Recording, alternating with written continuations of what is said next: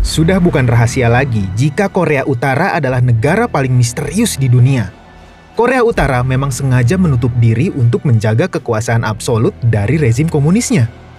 Namun, dalam beberapa hal, Korea Utara tetaplah sama dengan negara-negara lainnya.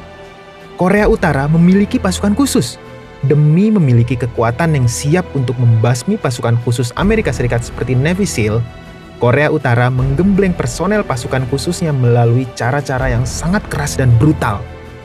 Pasukan khusus Korea Utara juga digembleng dengan ilmu kanuragan seperti debus serta bela diri ala kungfu Shaolin. Dari sejarah pembentukannya, keberadaan pasukan khusus Korea Utara tak lepas dari kepentingan politik Kim Il-sung. Kemampuan mereka dalam menggelar pertempuran non-konvensional telah dirintis dari masa gerilya komunis melawan pendudukan Jepang.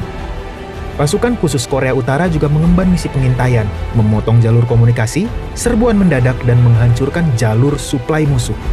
Selain itu, pasukan khusus Korea Utara juga ditugaskan untuk misi penghancuran pos komando dan lapangan terbang, penculikan atau pembunuhan terhadap tokoh politik dan militer yang menentang negara dan pemimpinnya saat ini, Kim Jong-un.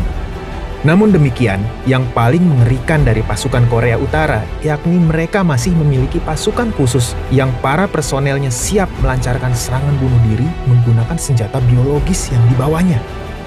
Wah, potensi negara yang paling misterius bisa sehebat ini ya.